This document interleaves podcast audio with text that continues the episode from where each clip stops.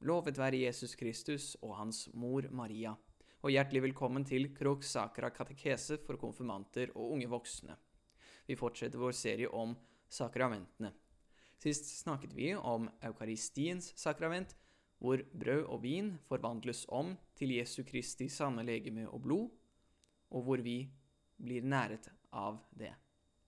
Nå i denne episoden tar vi for oss botens sakrament, eller skriftemålet.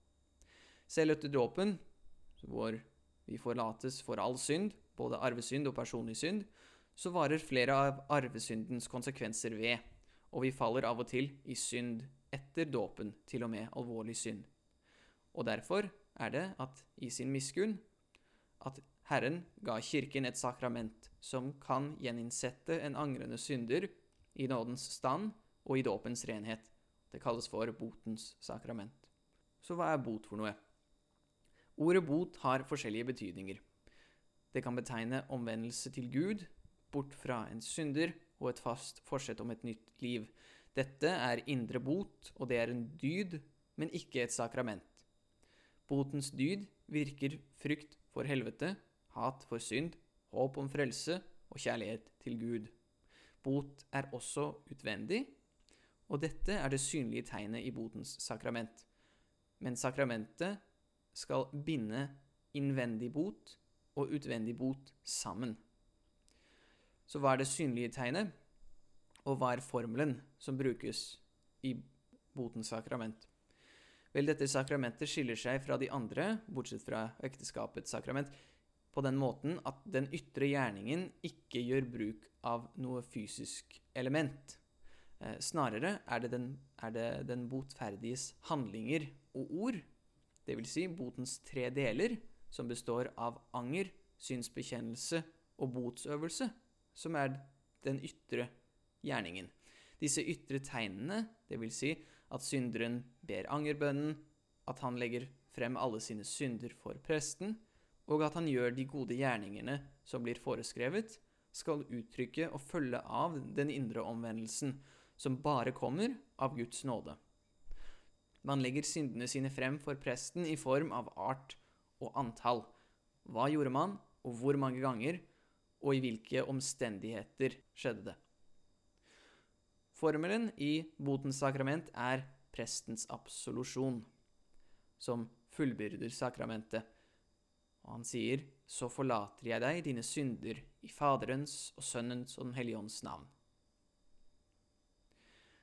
Hvordan innstiftet Kristus dette sakramentet? Vi leser om det i Johannes evangeliet. Han viser seg for disiplene sine etter sin oppstandelse.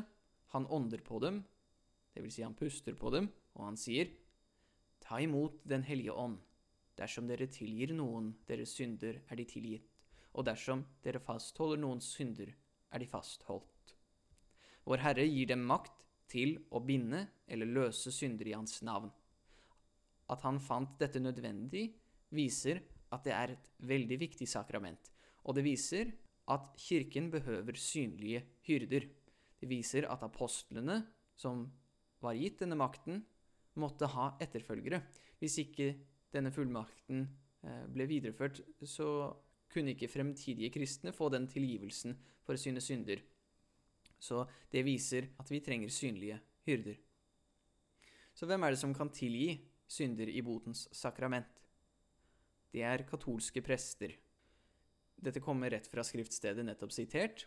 Ehm, det var til apostlene og til de som apostlene la sine hender på, at evnen til å forlate og fastholde synder ble gitt, akkurat sånn som evnen til å feire messens offer er nedarvet fra biskop til biskop helt til i dag, så har også denne evnen til å tilgi synder i Jesu navn gått fra biskop til biskop, overført gjennom ordinasjonens sakrament, som vi skal komme tilbake til. Men hvorfor må vi ha en prest til å tilgi våre synder?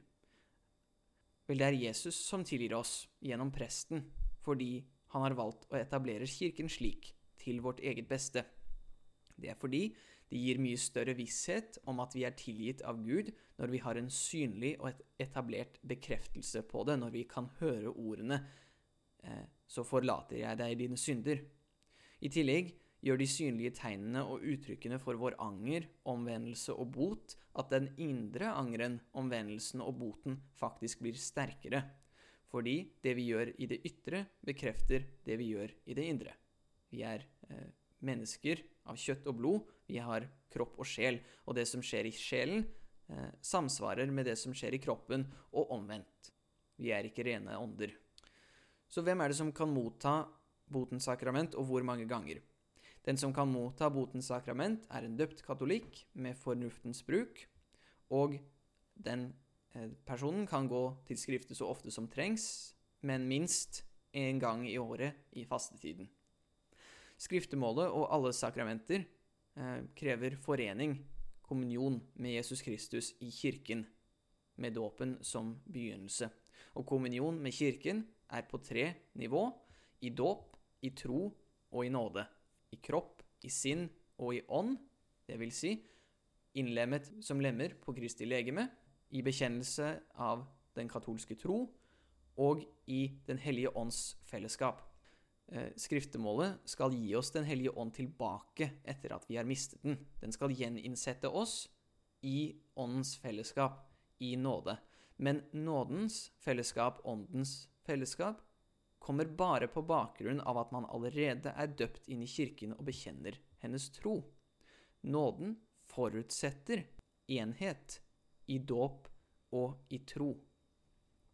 Å skrifte én gang i året er minstekravet for en katolikk, men man skal alltid skrifte når man har begått en dødssynd, så snart det lar seg gjøre. Og grunnen til det er at eh, hvis vi husker fra tidligere, så er en dødssynd et alvorlig brudd på Guds lov, det er ofte sett på som brudd på de ti bud, som f.eks.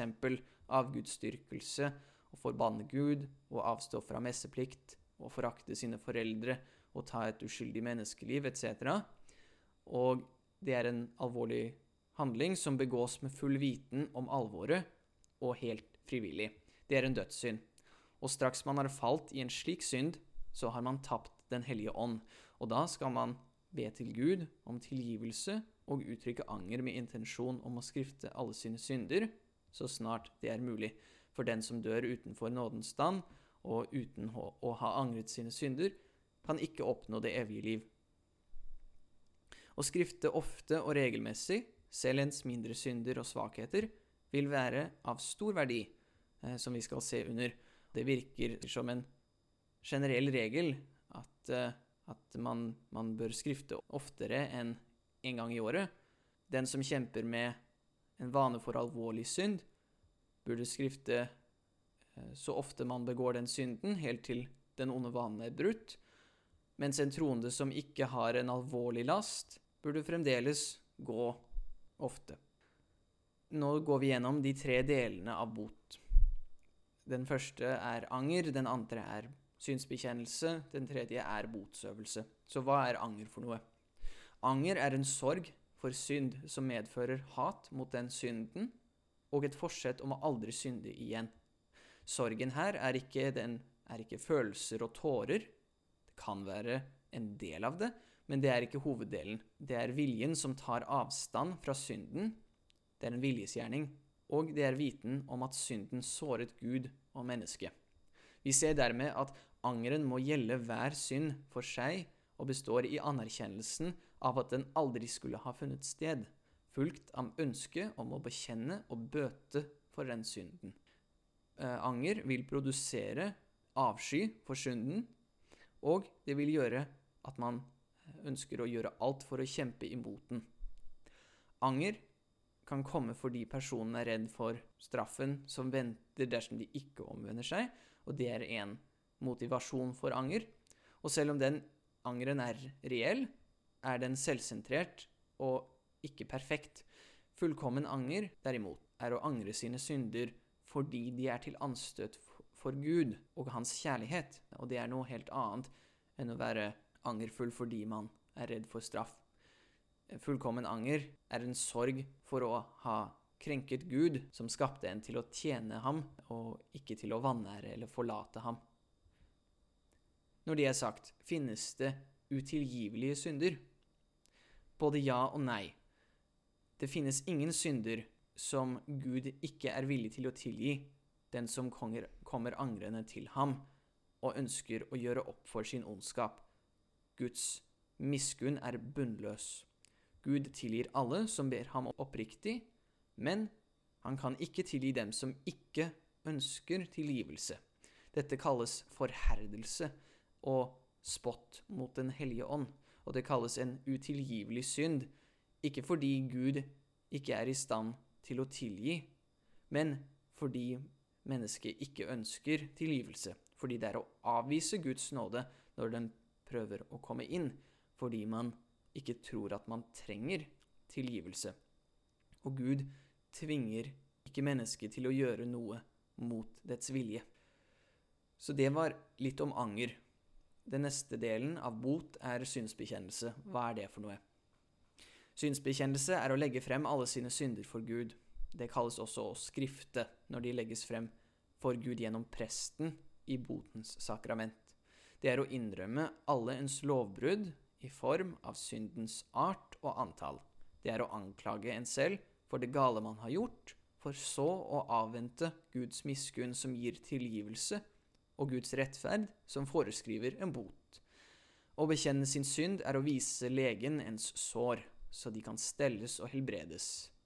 Presten er bundet til absolutt taushet om de ting han hører i skriftemålet, og kan ikke dele det med noen i noe tilfelle.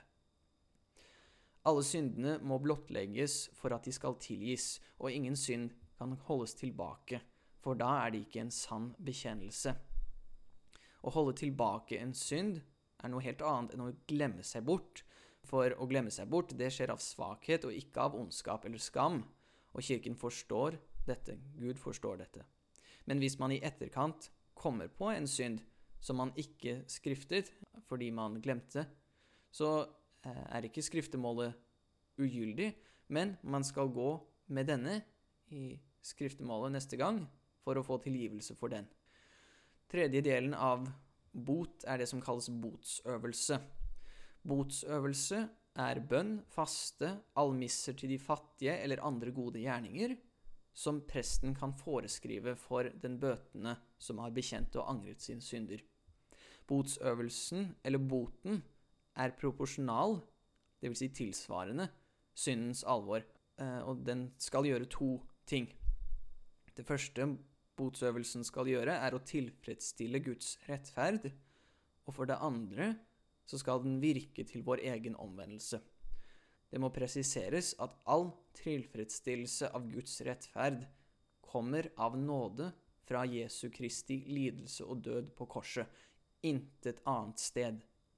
Den dekker all synd og den evige straffen for synd, som er helvete, men den tilfredsstiller ikke automatisk den begrensede straffen, som er tilbøyelighet til synd. Selv om vi kan få tilgivelse uansett hvor mange ganger vi synder, så blir vanen for å synde sterkere og vanskeligere å bryte for hver gang. Det er altså forskjell på sår som helbredes ved Jesu Kristi nåde der og da, ved tilgivelse, og arret som såret etterlater. Og det leges ved bot, ved at vi selv i nådens stand eh, gjør gode gjerninger for å motvirke syndige vaner og for å utvikle gode dyder for å sone straffen som synden fortjener. Det er ikke slik at boten er et tillegg til Guds nåde som tilgir oss, at vi mottar tilgivelse ved våre egne gjerninger. Nei, botsøvelsen gjøres fortjenestefull, det vil si, den er god i Guds øyne nettopp fordi den opplyses og springer ut av Guds nåde. Botsøvelsen er ikke det som tilgir synden, og et ellers gyldig skriftemål gjøres ikke ugyldig av å ikke gjøre boten, men å ikke gjøre boten er i seg selv synd hvis man var i stand til å gjøre den, men likevel nektet. Så hva hender med personen som skrifter?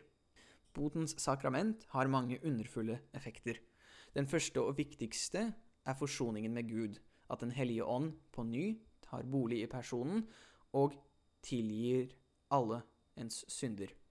Denne forsoningen bringer fred og glede til den troendes samvittighet, De vil overbevises om Guds godhet og vil søke å leve et liv i Hans nåde, langt borte fra synd.